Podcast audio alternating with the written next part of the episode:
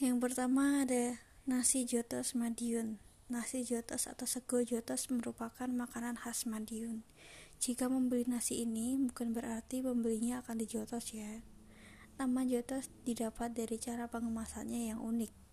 Sego jotos dibungkus menggunakan daun pisang hingga membentuk sebuah kepalan tangan yang siap menojos Sego jotos berisi nasi putih beserta lauk pauk seperti tempe, tahu, telur, dan mie atau bihun.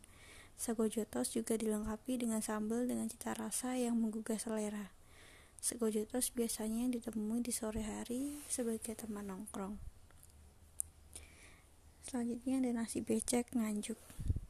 Nasi becek atau sego becek menjadi kuliner legendaris yang ada di Nganjuk.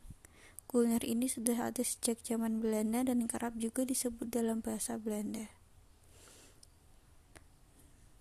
Nasi kini nasi becek jadi salah satu sajian paling populer yang hampir selalu dicari orang ketika singgah di Nganjuk.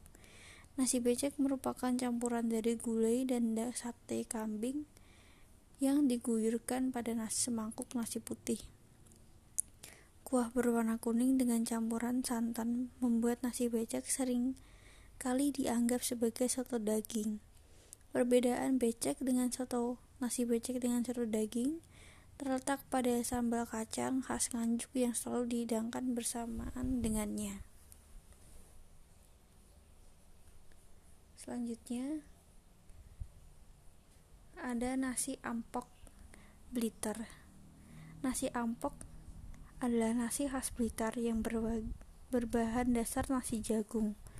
Nasi ampok sudah ada sejak zaman dahulu dan menjadi andalan warga setempat saat masa pancaklik.